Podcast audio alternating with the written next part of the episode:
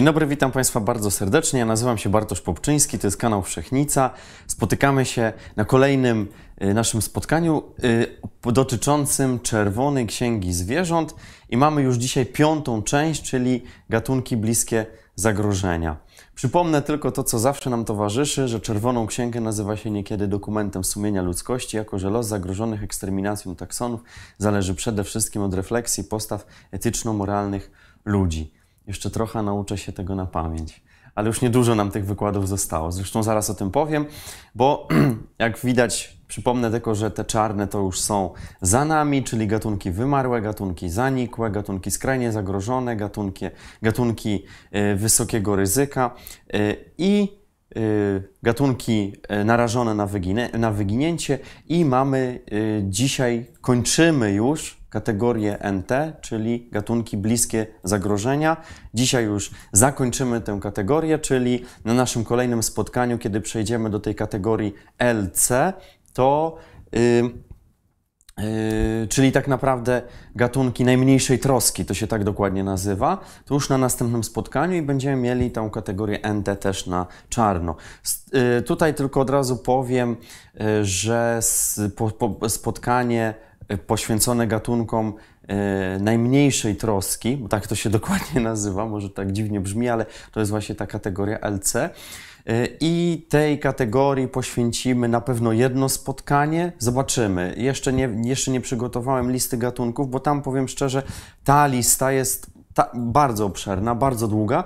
W związku z tym będę musiał po prostu dokonać selekcji. Jakieś takie kilka różnych gatunków po prostu przedstawię, które moim zdaniem warto byłoby tu pokazać.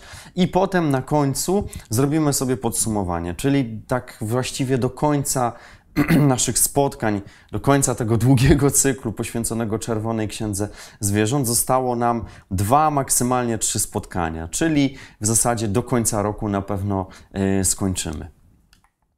A dzisiaj, tak jak wspomniałem, e, kategoria NT, czyli gatunki bliskie zagrożenia i pierwszym z nich jest muchołówka żałobna. Muchołówka żałobna, czyli taki malutki ptaszek. E, dzisiaj będziemy sporo ptaków porównywali do wróbla, bo w zasadzie to wróbel będzie dzisiaj, no każdy tego ptaka zna i bardzo będzie łatwo dzisiaj e, do tego wróbla porównywać ptaki, bo generalnie będą to e, ptaki śpiewające e, i będą to ptaki właśnie, mówi się czasami nawet wróblowe, no bo one są właśnie wszystkie wielkości wróbla, a jeden z nich dzisiaj będzie nawet, bym powiedział, bardzo często mylony z tym wróblem, chociaż żyje w ogóle w zupełnie innym środowisku niż wróbel. Ale nie wyprzedzajmy faktów, zaraz do tego tego dojdziemy, a przedtem muchołówka żałobna, zatem porównujemy do wróbla, tak jak już wspomniałem, i ona jest zdecydowanie mniejsza od wróbla. Yy, i to widać gołym okiem, jest to mniejszy ptaszek, natomiast Y, wydaje się, że ma taki krótki ogonek. Y, tutaj nawet na tym zdjęciu widać, chociaż tu perspektywa może nie jest najlepsza, żeby to pokazać, ale no, rzeczywiście widać, jakby ten, y, ten ogon był troszeczkę krótszy niż na przykład ma to miejsce u wróbla. No i masa. Jeżeli chodzi o masę ciała, to ten ptaszek waży maksymalnie do 15 gramów, a to oznacza, że jest dużo lżejszy od wróbla, bo wróbel, jego taki, taki naj, najlżejszy wróbel waży około 25 gramów, także y, jest zdecydowana różnica. Widzimy, to jest aż 10 gramów. Wydawałoby się, że tylko i, i, i y, w zasadzie to jest bardzo niewiele, ale to jest tak naprawdę, porównując takie ptaki, to jest aż 10 gramów. Y, I, taka cecha charakterystyczna, szczególnie u samca, to jest ta biała plama tutaj nad dziobem, na, na, na tym czółku. Y, no w zasadzie jeszcze może to nie jest takie czoło, czoło stricte, ale tutaj właśnie nad dziobem mamy taką plamę y, i albo w zasadzie mogą być to dwie plamy. Y, I główka czarna, y, brzuch jak widać jest taki śnieżno-biały, ale z drugiej strony już ta muchołówka jest takich kolorów, no właśnie w tych kolorach żałobnych, może właśnie od tego się wzięła ta nazwa, bo tego czarnego koloru ma rzeczywiście sporo i od głowy ten, ten czarny kolor się rozprzestrzenia ku ogonowi w szacie spoczynkowej, to oczywiście mamy samca tutaj przedstawionego, który w szacie spoczynkowej y, przybiera barwę szaro-brązową, czyli podobną do samicy, którą mamy tutaj. Tu widzimy właśnie y, samicę i samica jest y, takiego koloru właśnie szaro-brązowego i widzimy też jeszcze bardzo ciekawą cechę, że ten ptak, kiedy siedzi na gnieździe, to jest bardzo słabo widoczny. I tak właśnie na tym polega właśnie to przystosowanie samic do y, wysiadywania jaj, no bo one bardzo często właśnie siedzą na gniazdach i po to, żeby nie były widoczne, to y, właśnie y, są takie, nie rzuca, żeby się nie rzucały w oczy, to właśnie mają takie kolory, żeby się mogły zlewać z y, tłem. Tutaj jest to bardzo dobrze widoczne, aczkolwiek trzeba zaznaczyć, że są to ptaki, które w dużej mierze gnieżdżą się jednak w gniazdach, y, w dziuplach, także y, no tutaj akurat to maskowanie może nie jest takie istotne, jak na przykład chociażby w przypadku kaczek, które rzeczywiście muszą się bardzo dobrze maskować, czy nie wiem, przepiórek, prawda, które rzeczywiście, no szczególnie te ptaki, które gnieżdżą się bezpośrednio na ziemi. Ale tutaj też chciałem o tym powiedzieć, bo to ładnie właśnie widać, specjalnie dałem takie zdjęcie, żeby to było bardzo dobrze widoczne. Zatem widzimy bardzo dużą różnicę między szatą godową u samicy a u samca, bo przed chwilą mieliśmy samca w szacie godowej, to jest samica e, również w tej szacie godowej, yy, no bo przecież siedzi na jajkach, także no musi być to ta właśnie yy, szata.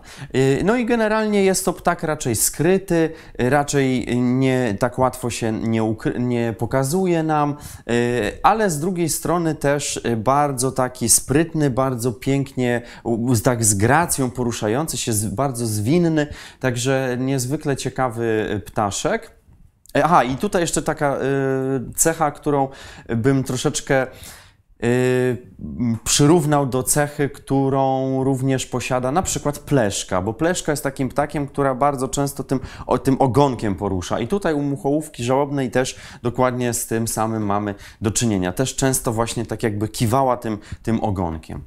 Y, Gdzie występuje gdzie występuje e, muchołówka żałobna. Otóż jest to ptak, który upodobał się sobie zdecydowanie e, tereny leśne i z nimi jest najbardziej związana, chociaż też nie jest może aż tak mocno związana jak na przykład muchołówka białoszyja, która to jest e, stricte taką muchołówką leśną, chociaż ta rzeczywiście też jest typowo leśna. Ona sobie upodobała przede wszystkim nasłonecznione takie stare lasy, głównie to będą lasy mieszane, ale również nie pogardzi na przykład zadrzewieniami, parkami, ogrodami również, chociaż jest tam zdecydowanie rzadsza. Jednak lasy, lasy to jest to, co ona sobie najbardziej upodobała. Yy, Zdarza się też, że y, wy- występują na przykład w lasach iglastych. To dotyczy głównie tych populacji północnych. No i oczywiście, tak jak wspomniałem, to są ptaki, które gnieżdżą się głównie w budkach lęgowych, no, no w budkach, jakie ludzie wywieszą, ale zasadniczo no, szukają, szukają dziupli, więc dla nich te dziuple mają istotne znaczenie. To jest też taki ptak, o którym często zapominamy, kiedy mówimy właśnie o budkach lęgowych, a muchołówka właśnie, najczęściej to nam się kojarzą właśnie sikorki, kowaliki, a właśnie wróble, mazurki, prawda, a o muchołówce często zapominamy, a ja muszę powiedzieć, że y, u nas właśnie pod lasem wieszam, no w zasadzie jeszcze w lesie, wieszam właśnie budkę i praktycznie prawie, że co, może nie co roku, ale bardzo często ta muchołówka się tam rzeczywiście gnieździ. Y, W Polsce możemy ją podziwiać od kwietnia, w zasadzie od połowy kwietnia do końca września, czyli mamy teraz już tak naprawdę ostatnie dni, żeby jeszcze móc się zachwycać muchołówką żałobną, która niedługo podejmie y, drogę do trudną bardzo drogę, bo widzimy, że musi przez całą północną Afrykę przelecieć, no przez całą Europę, północną Afrykę, do środkowej Afryki dolatuje tam na zimowiska, po to, żeby z powrotem podjąć ten trud migracji i wrócić do nas z początkiem wiosny. W ostatnich 10 latach populacja zmniejszyła się prawie o 1 trzecią, tu mamy dokładnie 29% spadek. Jest to ogromny spadek yy, i tutaj jeszcze taka ważna informacja, że zasiedla większą część kraju, choć południowo-wschodniej jest wyraźnie rzadsza. Tutaj powinno być rzadsza. Y, I jeżeli chodzi o przyczyny spadku liczebności, to u niej są akurat niezbyt dobrze rozpoznane, chociaż mówi się o tym, że zmiany klimatu mogą tutaj mieć wpływ na zmniejszenie, na ten spadek. Dzisiaj zresztą ta przyczyna, czyli te zmiany klimatu, pojawią się nam jeszcze przy różnych innych gatunkach. Ale właśnie tutaj mówi się o czymś takim jak na przykład niedopasowanie terminu lęgu do tego czasu, kiedy jest najwięcej, najwięcej e, pożywienia dookoła. No może to być, powiedzmy, jest, jest taka hipoteza, która mówi o tym, że jest to taki możliwy czynnik zmniejszający, mający wpływ na spadek liczebności mochołówki. Y, również lokalnie może być też problem taki, że zmniejsza się liczba y, dziupli, ale to mówię tylko lokalnie, a w, w zasadzie, jeżeli chodzi o nas, nasz cały kraj, to w stosunku do liczebności całe, na terenie całego kraju, to w zasadzie ma niewielkie znaczenie. I kolejny gatunek to będzie pokląskwa, taki bardzo, bardzo ciekawa nazwa, bardzo przyjazna dla obcokrajowców, żeby wymówili, pokląskwa, e, łamacz języka tak zwany. E, no, ale nazwa, może od razu wyjaśnię skąd ta nazwa się wzięła, bo ten ptak kiedy się odzywa, chociaż ja powiem szczerze, ja tego nie słyszę za bardzo, muszę powiedzieć. Jakoś y, ja tego nie, nie udało mi się wychwycić w tym głosie tego, ale mówi się, że ona właśnie kląska, że kląska, stąd właśnie polska nazwa pokląskwa. Y, jest też jeszcze inny ptak, który może być mylony z pokląskwą, nazywa się kląskawka również, także Tutaj to jest fascynujący ten świat ptaków. No ale generalnie ma taki, y, ten, jeżeli chodzi o ten głos, jest rzeczywiście wyczuwalny taki y, świergot też, ale i troszeczkę taki zgrzyt. Także myślę, że do, do różnych pokrzewek można też przyrównać taki właśnie delikatny zgrzycik ten, ten odgłos. Tak, tak mi się przynajmniej kojarzy, ale może ktoś jakby usłyszał, to by inaczej to scharakteryzował. No ja, ja mówię, że tego kląskania za bardzo tam nie słyszę. No może się muszę jeszcze jakoś powsłuchiwać bardziej. Też mały ptak. Znowu, jak porównamy sobie do wróbla, to już troszeczkę większy, przynajmniej może inaczej, nie większy, a cięższy od przed chwilą omawianej muchołówki żałobnej, bo waży największe pokląskwy mogą osiągać tą, te, tą najniższą masę, jaką osiąga wróbel, czyli do 25 gramów. To jest mniej więcej ta właśnie granica, ale to są już takie najcięższe pokląskwy. Y, również y, stosunkowo krótki ogon, podobnie jak i, jak i u y, muchołówki żałobnej przed chwilą omawianej. No i tutaj jeszcze widzimy samca, oczywiście tu jest przedstawiony samiec, bo samce, jak wiemy, właśnie one są tymi, tymi, tymi pięknie ubarwionymi ptakami, dużo ładniej niż samice. I on ma tutaj taką piaskową, taką delikatnie, taki nawet pomarańczowy kolor, tutaj się przebija, pierś i taki y, biały, biały y, wąs i białą taką brewkę, która odchodzi od, od dzioba. I pod spodem taki biały, biały wąsik i czarny policzek. No to są właśnie takie cechy charakterystyczne właśnie pokląskwy. I jak popatrzymy na samicę, to zobaczymy, że jest duża różnica. Samica już nie wygląda tak pięknie kolorowo. Też tutaj powiedzmy delikatnie jest zaznaczona Tutaj pod szyją tylko ten fragment jest ubarwiony tak jak na przykład u samca, czyli taki kolor właśnie ten piaskowy. No ale widzimy, że zdecydowanie kolorystyka bardziej uboga. Y, taka trochę wydaje się wyblakła, tak jakby to był taki wyblakły samiec. Tutaj jest też pokazana pewna cecha pokląskwy na tym zdjęciu, czyli one lubią siadać gdzieś wysoko. One sobie siadają w jakimś dobrze widocznym miejscu.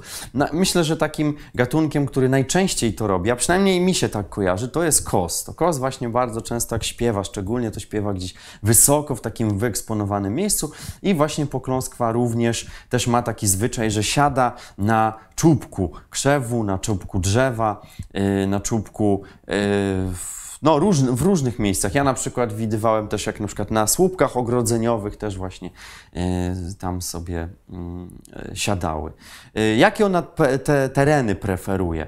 No, przede wszystkim to już jest zdecydowanie mniej ptak związany z lasami, bo no powiedzmy doliny rzeczne to są e, takie miejsca, które e, no powiedzmy, są najbardziej związane jakby z, z, z, lasami również mogą być oczywiście, ale ona to jest ptak raczej łąkowy, e, czyli podmokłe łąki, tereny jakieś bagienne, czyli zasadniczo no takie otwarte tereny, nie, nie las właśnie, czyli gdzieś, gdzie jest dużo drzew i ten teren, no można powiedzieć zamknięty, to, to, to ona preferuje tereny zdecydowanie otwarte. I jeżeli chodzi o pokląskwę, to jak widzimy, że jest pewna, e, pewne podobieństwo do przed chwilą omawianej muchówki żałobnej, bo też podobny zasięg występowania i podobne miejsce zimowania. Również właśnie ta środkowa yy, Afryka, no jeszcze może troszeczkę przechodząca delikatnie w tą południową część. A jak to wygląda w Polsce? Najliczniej występuje na Mazurach, Podlasiu i Pomorzu Zachodnim. Na pozostałym obszarze kraju występuje dość równomiernie, lokalnie liczniejsza, zwłaszcza w dolinach rzecznych. No to wspomniałem właśnie o dolinach rzecznych, także tu jest lokalnie, może być tam liczniejsza. Jakie są zagrożenia? No, jej zagraża, skoro jest związana z łąkami, to jej zagraża przede wszystkim rolnictwo. Ta intensyfikacja rolnictwa jej przede wszystkim zagraża. Za, taka zamiana łąk na pola uprawne, jak jest, kurczy się e, powierzchnia łąk, no to temu ptakowi na pewno to nie sprzyja. E, również likwidacja na przykład nieużytków, e, czy usuwanie różnych ta się tym kępek krzewów, tam gdzie ona właśnie lubi sobie przesiadywać. Także to może powodować właśnie do ograniczenia liczebności tego ptaka. Czyli krótko mówiąc, no jak zwykle mamy właśnie zmiany siedliskowe, zmiany siedliskowe, które, które, które wprowadza e, człowiek. Y, co mamy tutaj jeszcze? Aha, y, dużym zagrożeniem może być y, zbyt wczesne koszenie. Ja jeszcze dzisiaj o koszeniu to już powiem na sam koniec, przy okazji pewnego cytrynowego gatunku, to już trochę zdradzę. Natomiast tam więcej troszeczkę opowiem o tym, jak powinno się wykonywać poprawnie koszenia. Natomiast no, dla niej właśnie też tym, tym zagrożeniem jest, kiedy zbyt wcześnie się wykona takie koszenie. No mówię, już o koszeniu to później y, poświęcę temu troszeczkę czas, więc na razie to zostawimy.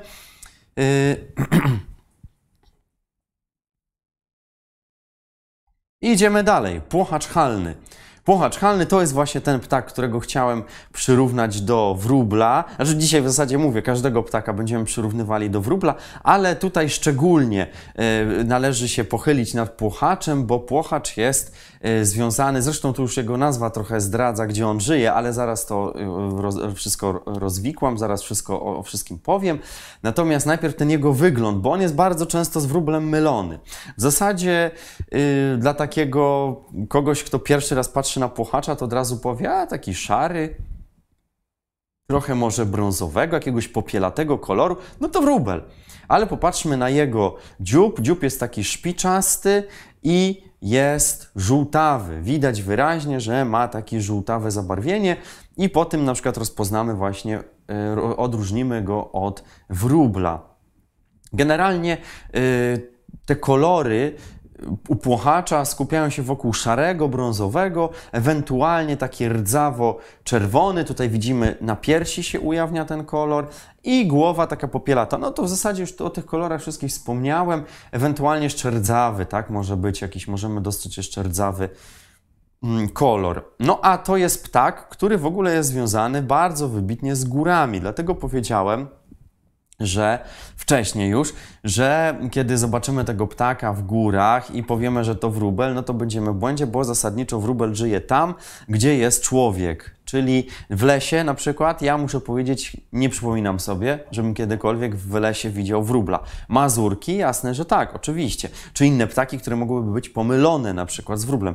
Ale wróbla y, de facto w lesie nie ma. No a tutaj mamy do czynienia z płochaczem halnym i ten płochacz halny jest właśnie ptakiem, który jest też no, często mylony, szczególnie przez turystów, bo występuje tam, gdzie turyści chodzą i nie boi się człowieka w dodatku, w związku z tym, podobnie jak wróbel, potrafi bardzo blisko podlatywać człowieka. Naprawdę, i to dosłownie, to, bo sam widziałem takie sytuacje, na wyciągnięcie ręki, dosłownie, potrafi przylecieć płochacz halny, więc zrobienie mu zdjęcia z bliska nie powinno stanowić większego y, problemu. No i oczywiście jest, y, często przylatuje w, w okolice schronisk jesienią czy zimą w poszukiwaniu y, wiadomo czego, czyli pożywienia, które mogli pozostawić turyści.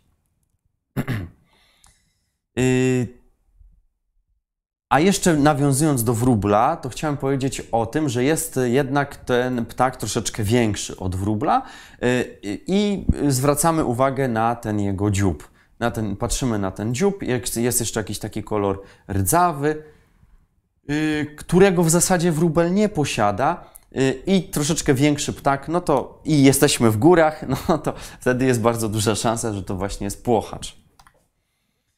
Y, Płuchacze y, generalnie są to ptaki wyjątkowo górskie, nawet bym powiedział, dodał jeszcze, że to jest wysokogórski ptak, bo one żyją no, na poziomie nawet i powyżej nawet i 1800 metrów yy, i znaczy tam spokojnie, spokojnie występują na takiej wysokości.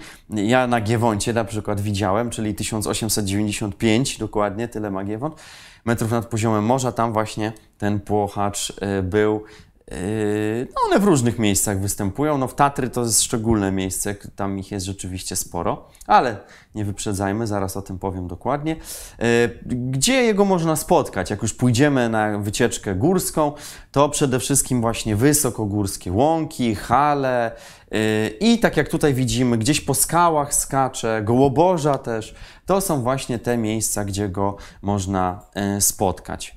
Czyli generalnie musimy się, musimy wyjść poza strefę lasów i wejść w piętro hal, kosodrzewiny i tam właśnie dopiero będziemy mogli dostrzec y, tego ptaka. Czyli mówię, no ptak generalnie wysokogórski i zresztą to, co tutaj widzimy, to, to, to, to bardzo potwierdza ten, ten, te, tą właśnie cechę tego ptaka, że on sobie upodobał te miejsca takie wysokogórskie.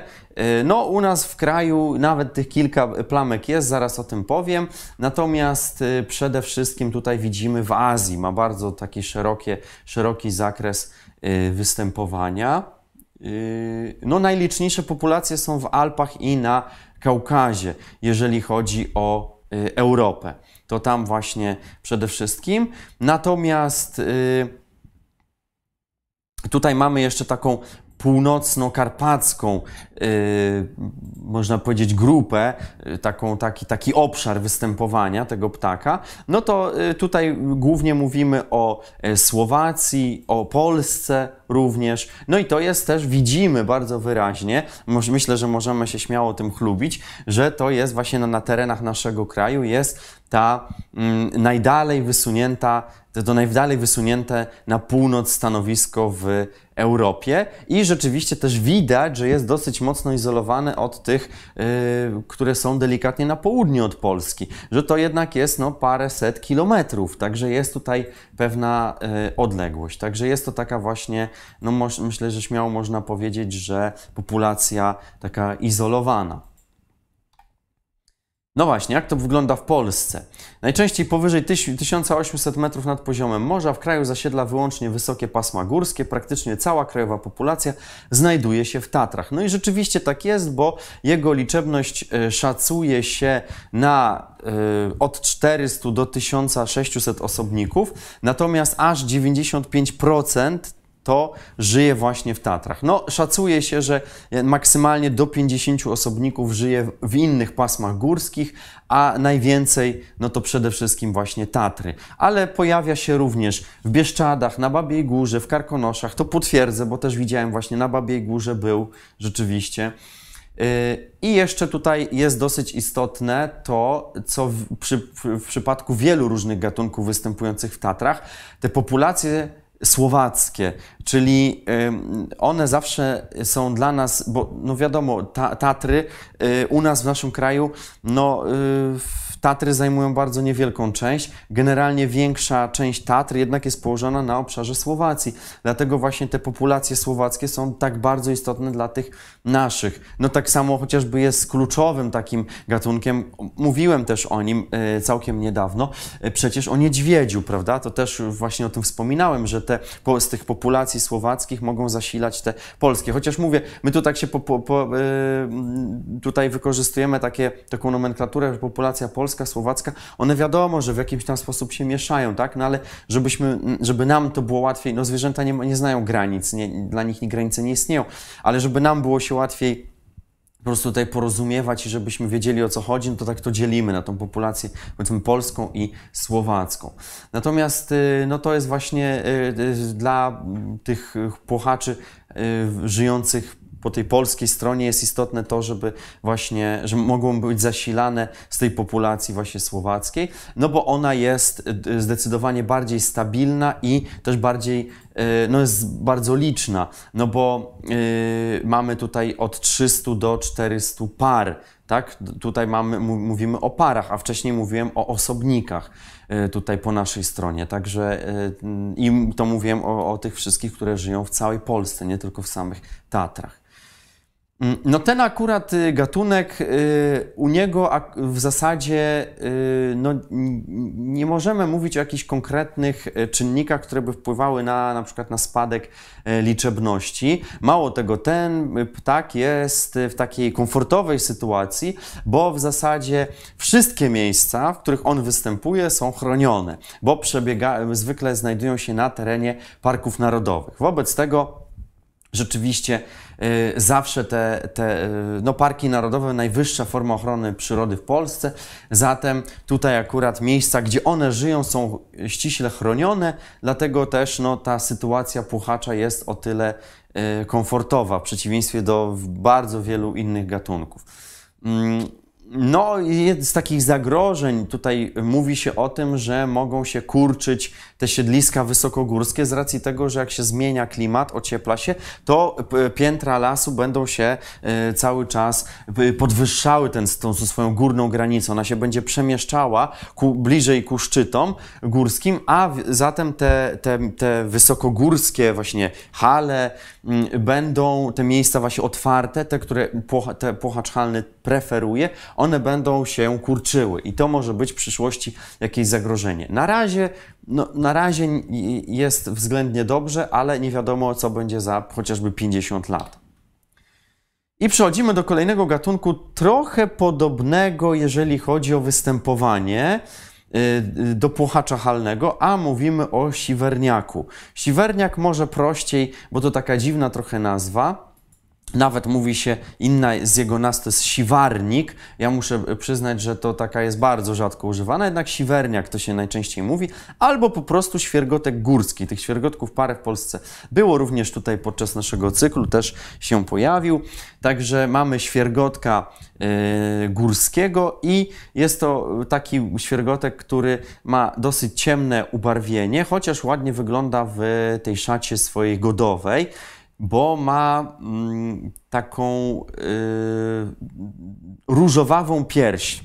Chociaż powiem szczerze, że ta różowawa pierś, tutaj jeszcze na tej piersi takie widać kreskowanie i ta pierś przybiera taką różowawą, y, różowawy odcień. Powiem szczerze, że to jest raczej słabo widoczne, a nawet widywałem jakieś zupełnie inne kolory, niekoniecznie takie różowawe, tylko przechodzące w jakieś takie jakiś taki ciemny zielony, nie, może nie bardziej jakiś taki jasny zielony. Ja to mówię, średnio określam kolory, więc ciężko mi tutaj się wyrazić na ten temat, ale, ale rzeczywiście yy, powiem szczerze, dla mnie ten różowy jest słabo widoczny. No ale Niech tak już zostanie, tak rzeczywiście w przewodnikach, tak w y, książkach do rozpoznawania ptaków jest to tak określane, także y, ja tutaj też będę, y, pozostanę tutaj w zgodzie z tymi wszystkimi przewodnikami, nie chcę tutaj być mądrzejszy, także podaję też, że jest różowawa właśnie pierś. Natomiast w szacie spoczynkowej widać bardzo dobrze te plamki y, na, na białym tle, no bo wtedy ta pierś się przebarwia y, i jest y, oczywiście brew. Y, Ta brew jest taka jasna brew na głowie, ale ona jest akurat przez cały rok. Ona jest niezależnie w zasadzie od tego, jaki mamy okres, czy okres spoczynkowy, czy, y, czy, czy lęgowy, to ona właśnie zawsze występuje. No i też co jest zawsze ciemne, to nogi. Y, One też mają taką ciekawą cechę, te ptaki, że y, w sezonie wiadomo, no, gniazdują pojedynczo, jak to zwykle bywa u tych ptaków y, śpiewających, natomiast później one już w tym niekorzystnym okresie mogą się łączyć w takie statka, mogą tworzyć takie statka z różnymi osobnikami. Y, I tak jak wspomniałem, też gatunek, który upodobał sobie góry. Zresztą, no właśnie, mamy przecież w nazwie świergotek górski. Także widzimy, że jego zakres występowania jest bardzo, bardzo szeroki. W zasadzie od, można powiedzieć, od yy, zachodniej Europy po wschodnią Azję, praktycznie się ten, y, ten zasięg tak rozciąga, tak trochę faluje, tak meandruje delikatnie po, po, tutaj, po, po, tym, te, po tym obszarze, Mm, ale jest jednak widać, że taki y, dosyć mocno rozciągnięty. Y, No i w zasadzie w Europie to gniazduje we wszystkich takich, y, we wszystkich pasmach y, górskich, czyli jest w Pirenejach, w Alpach, w Karpatach, na Kaukazie. Tam wszędzie go możemy spotkać. Y, I mm, krajowe populacje tutaj z- również mamy z, do czynienia z tymi najbardziej wysuniętymi na północ stanowiskami, bo te nasze właśnie znajdujące się y, w Sudetach czy w Karpatach to są właśnie te naj, najdalej wysunięte y, stanowiska y, na północ w Europie. No i tu widzimy to wyraźnie, prawda? Dalej tak przechodzi łukiem przez terytorium Polski i Niemiec ten, ten zasięg, ale to widzimy właśnie głównie tutaj miejsce tych przelotów, prawda? A te cze- zielone plamki, które nam pokazują, gdzie one są praktycznie przez mm, no, gdzie, gdzie się lęgną, to właśnie y, są te miejsca, które wysunięte są najbardziej na północ, y, jeżeli chodzi o zasięg świergotka górskiego.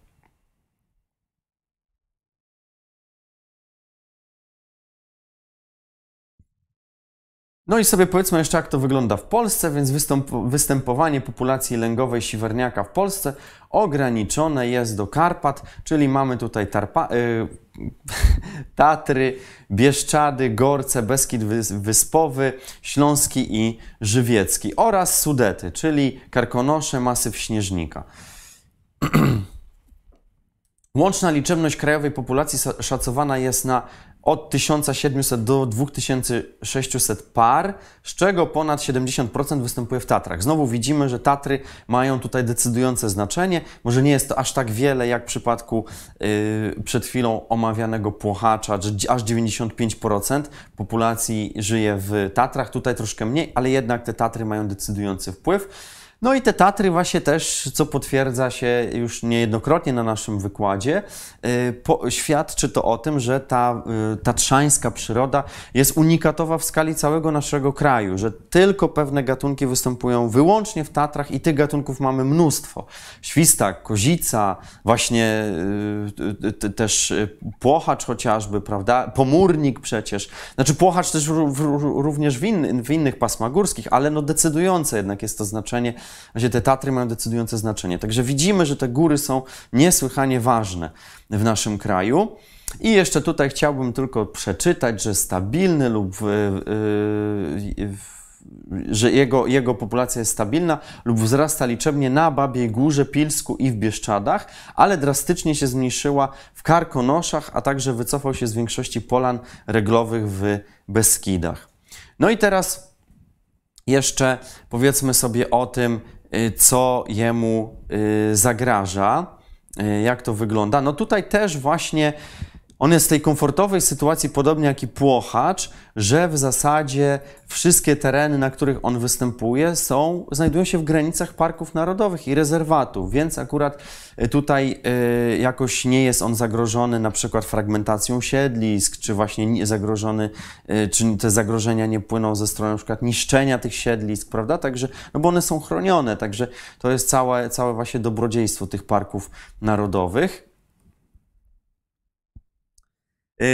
Tutaj również wyróżnia się takie długoterminowe zagrożenie, które może się pojawić. To jest to samo, co w przypadku przed chwilą omawianego płochacza, czyli mamy do czynienia z tym, że Zmieniający się klimat, ocieplający się klimat może powodować to, że e, poziom, granica tych lasów będzie się przesuwała ku szczytom górskim, a zatem te e, miejsca, e, te siedliska wysokogórskie, czyli na przykład właśnie polany reglowe, czyli to, co, co to, to, te wszystkie środowiska występujące powyżej górnej granicy lasu mogą po prostu zanikać albo po prostu zmniejszać swoje, swoją powierzchnię. Dlatego no, to jest dosyć duże zagrożenie. Ale to mówię, to jest w skali takiej długoterminowej, być może, nie wiem, za 20-50 lat, no zobaczymy, jak to się wszystko dalej rozwinie. No, wspomina się też o tym, że może być na przykład y, zagospodarowanie turystyczne, czyli mm, wszelki, no rozwój w ogóle turystyki może też powodować, jakoś negatywnie wpływać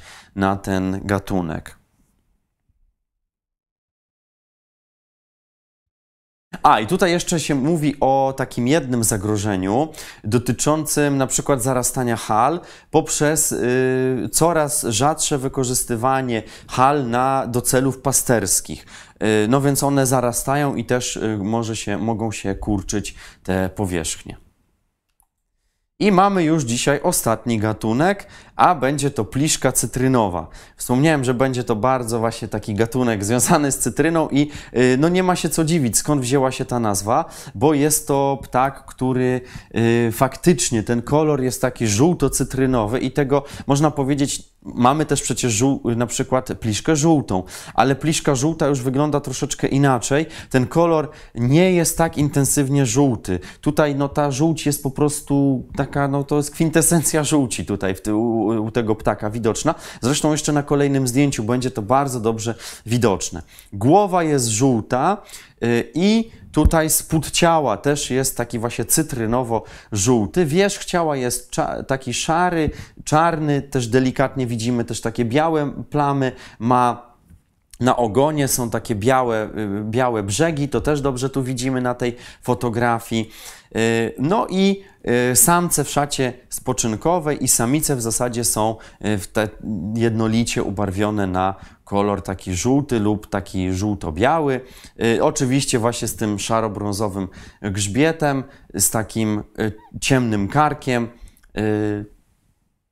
No i proszę zobaczyć, jak to wygląda ta pliszka cytrynowa tak z innej trochę perspektywy, kiedy popatrzymy na główkę, to widzimy, że no w zasadzie poza dziobem i okiem to wszystko jest, cała głowa jest takiego jednolitego, pięknego koloru cytrynowego. I, on, i, I, ten cytrynowy kolor rzeczywiście nawet już z daleka czasami widać, bo ona się czasami potrafi wyróżniać. No, zależy w jakim jest środowisku, ale jeżeli jest, tak jak ja pamiętam, kiedyś widziałem właśnie taką pliszkę.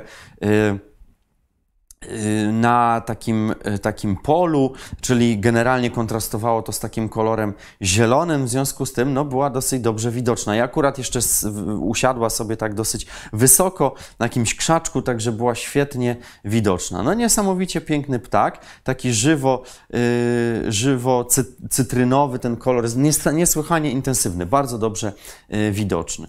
No i popatrzmy jeszcze, gdzie ta, yy, gdzie ta pliszka występuje. Mm, otóż ona, y, tu widzimy, że głównie mamy do czynienia z Polską północną i Polską wschodnią, czy północno-wschodnią bardziej może.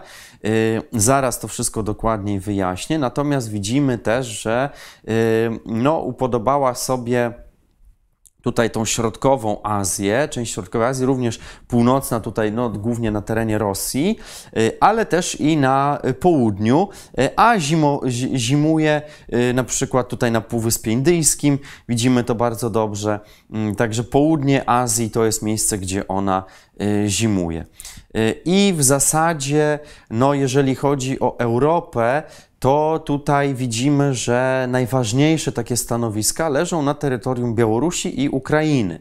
No bo y, na Białorusi mm, szacuje się jej liczebność maksymalnie do 2,5 tysiąca par, natomiast tutaj na Ukrainie zdecydowanie więcej, bo 1300, y, przepraszam, nawet y, ponad 13-14 tysięcy, także jest to zdecydowanie duża różnica. No tutaj właśnie Ukraina tutaj jest przede wszystkim takim najważniejszym miejscem dla tego ptaka, jeżeli chodzi o Europę. Natomiast no, na Litwie już mamy dużo mniej, bo to jest mniej więcej około od 100 do 200, a Słowacja to już raptem tylko dwie pary tylko, także bardzo, bardzo niewielkie stanowisko. No skrajnie rzadki y, ptak w tamtym rejonie, a popatrzmy jeszcze jak to jest w Polsce w takim razie, bo tutaj ta nasza liczebność będzie zbliżona do tego, co jest y, na terytorium Litwy, bo obecnie właśnie wielkość populacji jest oceniana na 100-200 y, par, czyli no w zasadzie podobnie to, co było,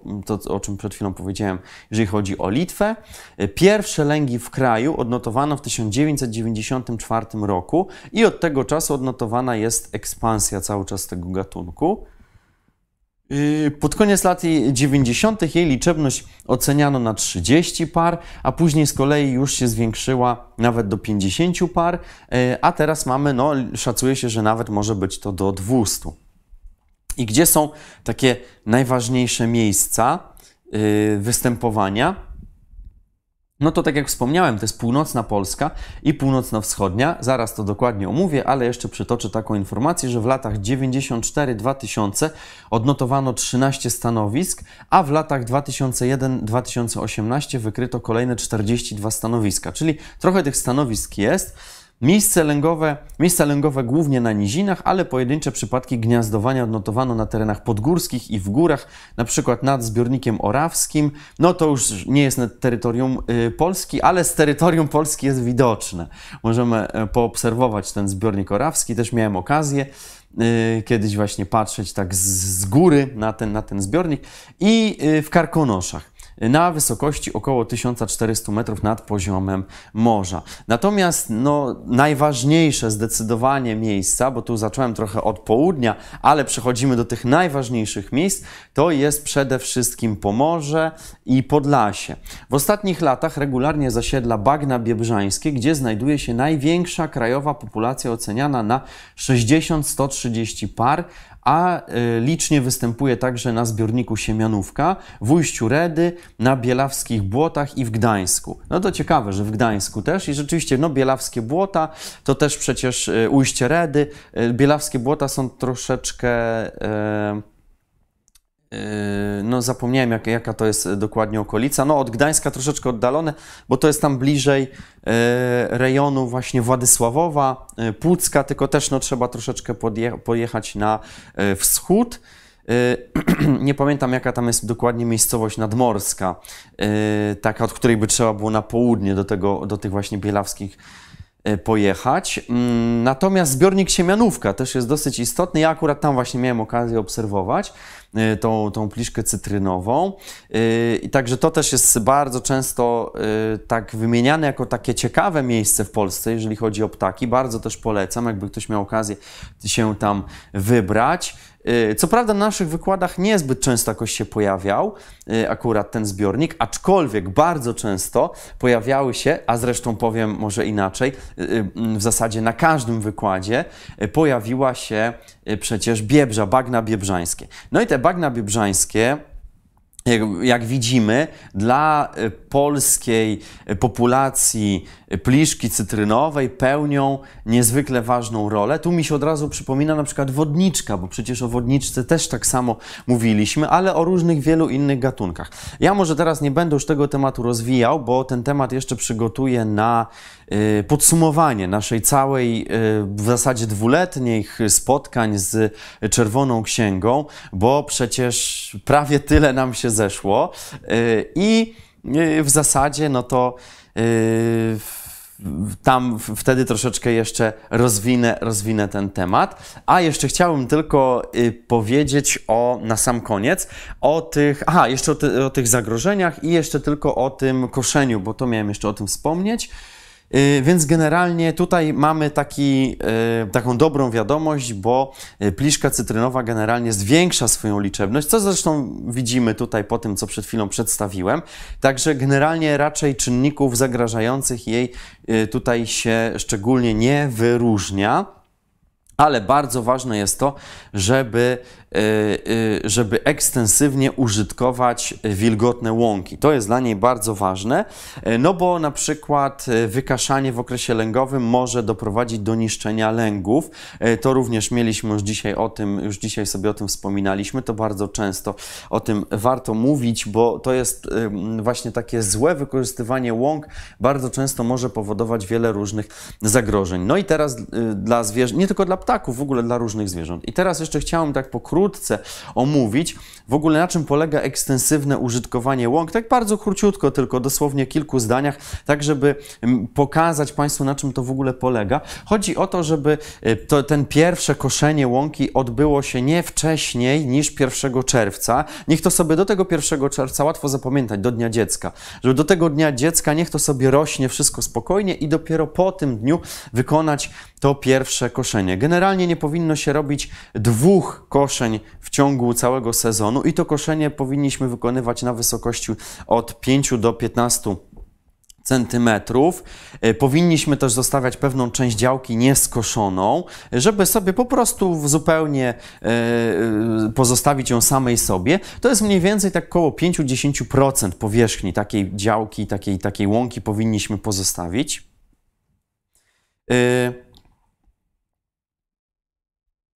I co jeszcze bardzo ważne jest dla ochrony różnych gatunków żyjących na łąkach, ważne jest to, żeby kosić łąkę od środka do zewnątrz. Y, ja wiem, że to jest często trudniejsze, może niewygodne, ale warto to robić, bo wtedy mamy możliwość ochronić te gatunki, e, te, te zwierzęta, które wchodzą do środka i tam po prostu się ukrywają. Bardzo często na przykład derkacze tak giną, bo one wchodzą właśnie do środka i cały czas właśnie e, myśląc, że tam się ochronią. A ostatnim pas, ostatni pas, który pozostał, przejeżdża właśnie kosiarka i je po prostu y, zabija. Także to jest bardzo ważne, żeby. Za, no, ja wiem, że to jest to, jednak nie jest do, do, za bardzo wygodne, ale warto właśnie robić od środka do zewnątrz, tak żeby wszystko, co tam żyje, mogło sobie spokojnie uciec. To jest niezwykle ważne. No to pokrótce, tak przy okazji pliszki cytrynowej, yy, omówiłem właśnie to, jak wygląda to ekstensywne użytkowanie łąk, a teraz jeszcze tylko zerknę szybko na czat i yy... o, dzisiaj niewiele.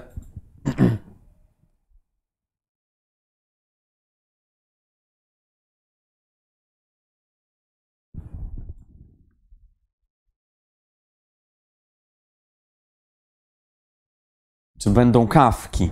E, tu pyta latający talerz. E, może to jest taki przyczynek do tego, żeby zrobić odcinek o krukowatych. Tak mi się wydaje, bo nigdy nie było krukowatych. Ptaki bardzo pospolite. Może, może to bardzo to jest na wyrost, bo przecież mówiliśmy w Czerwonej Księdze o Gawronie, który też jest krukowatym, ale. Yy, ale yy, pospolite, znane, a się okazuje, że nieznane. Może to jest też dobry pomysł, żeby o tych krukowatych coś zrobić. Pomyślę, pomyślę.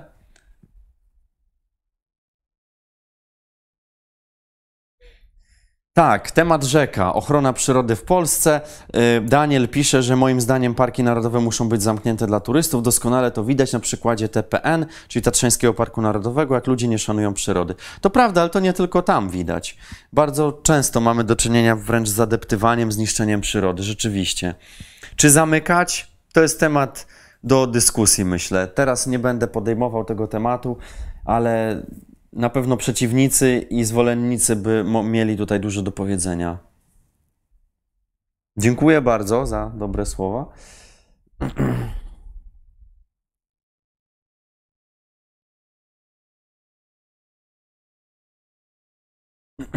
Tak, rolnictwo wielkoobszarowe zdecydowanie no, utrudnia życie y, wielu gatunkom, szczególnie ptaków, ale nie tylko. Y, I no cóż, tutaj już od dawna wiadomo, że monokultury, czyli hodowanie jednego gatunku na bardzo dużych hektarach, no nie więcej niesie ze sobą trudności i, i problemów niż, niż korzyści. No i też właśnie odbija się to na bardzo wielu różnych gatunkach, których też część już omawialiśmy na naszych tutaj wykładach. Tak, ostatnio tutaj, bo Daniel tutaj pisze też, że muszą być powoływane kolejne parki narodowe i rezerwaty. Yy, Natomiast yy, teraz jest właśnie ostatnio, yy, rzeczywiście zrobiło się głośno o tym, że od dawna, już od ponad 20 lat nie powstał w Polsce żaden park narodowy. Może to jest okazja do tego, żeby przynajmniej zacząć dyskusję o tym, no bo przecież są planowane, prawda? Jakimś, słyszałem, że chyba na Zalewie Szczecińskim, wiś, o Wiślanym Parku Narodowym też wzdłuż Wisły, to też byłby piękny pomysł, myślę, jako warszawiak, który się y, styka z y, Wisłą regularnie, to myślę, że to jest też bardzo dobry pomysł. E, Turnicki Park, który wzbu- wzbudza mnóstwo kontrowersji. Mówi się o Mazurskim Parku Narodowym. Także jest tutaj bardzo dużo różnych właśnie takich pomysłów, ale póki co no nie słychać, żeby doszło do realizacji.